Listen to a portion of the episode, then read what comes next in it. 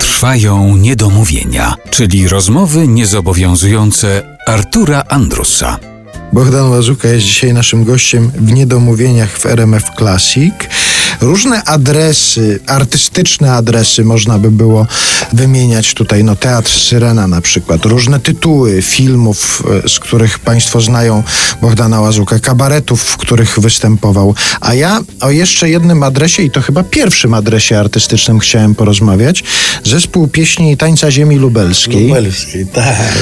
Bardziej byłeś tam za pieśnią czy za tańcem? Więc myśmy tam mieli e, wybór, tak zwany wachlarz uczuć estetycznych, jakby powiedział nie wiem kto.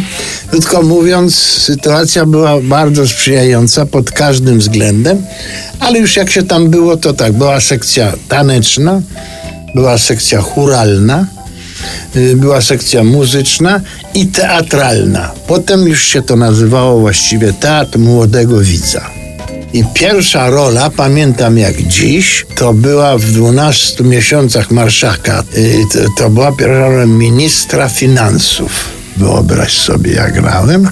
I jak powiedziałem na wizji ówczesnemu premierowi i ministrowi finansów, czyli panu Grzesiowi Kołotko, to na wizji, na oczach tłumów, on mi zaproponował Bruderschaft. Rozumiesz, bo byłem pierwszym ministrem finansów.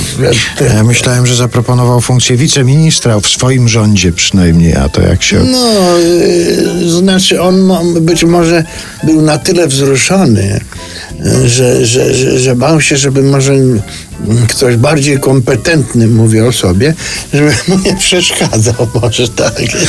Czyli ty w zespole pieśni i tańca ziemi lubelskiej grałeś jako aktor, tak? Nie tańczyłeś, nie, Nie, nie, śpiewałeś? wszystko, wszystko. Y, Właśnie no, na samym końcu powstał Teatr Młodego. A tak byłem najpierw tancerz, potem byłem chórzysta. Mm, proszę ciebie, no z muzyką było średnio. Aczkolwiek ona się później przeniosła do Warszawy i się uczyłem na oboju. Taki instrument jest. A no właśnie, a jaki repertuar na tym oboju? No to, to były wprawki, takie etiudy. Jak gadałem później z Jurkiem Maksymiukiem, co to jest za instrument w sensie jego, że tak powiem, spojrzenia na orkiestrę, mówi, jeżeli chcesz mieć dobrą orkiestrę, to musisz zacząć od obsady oboistów. Bo to jest takie brzmienie bardzo szlachetne, subtelne, Ale potem ci się zdarzało, czy jak już zarzuciłeś naukę gry na instrumencie i poszedłeś do szkoły teatralnej, to już nigdy do niego nie wróciłeś, czy zdarzało się od czasu nie, do czasu To sięgnąć? jest, to jest y, strasznie trudne, wiesz, y, zadęcie, jeżeli od tego odejdziesz na jakiś miesiąc, czy jeszcze później nawet, to już nie ma szansy. Chodziło o to, że to jest to samo krycie, co na saksofonie. Dwie oktawy tylko. Ja chciałem być saksofonistą, bo, bo chciałem się paniom podobać, no, po prostu. Nic z tym złego. A, a, a wtedy saksofon, Sinatra, tam powiedzmy sobie guma do rzucia Coca-Cola, czy, czy skarpetki kolorowe, no to był wróg socjalizmu. To nie było takiej możliwości. I mówią, to ty weź się na oboju, tak, a potem się przerzucisz. Na, na, Czyli, że obój się kojarzył socjalistycznie, tak? A saksofon kapitalistycznie. Saksofon kapitalistyczny, tak, tak.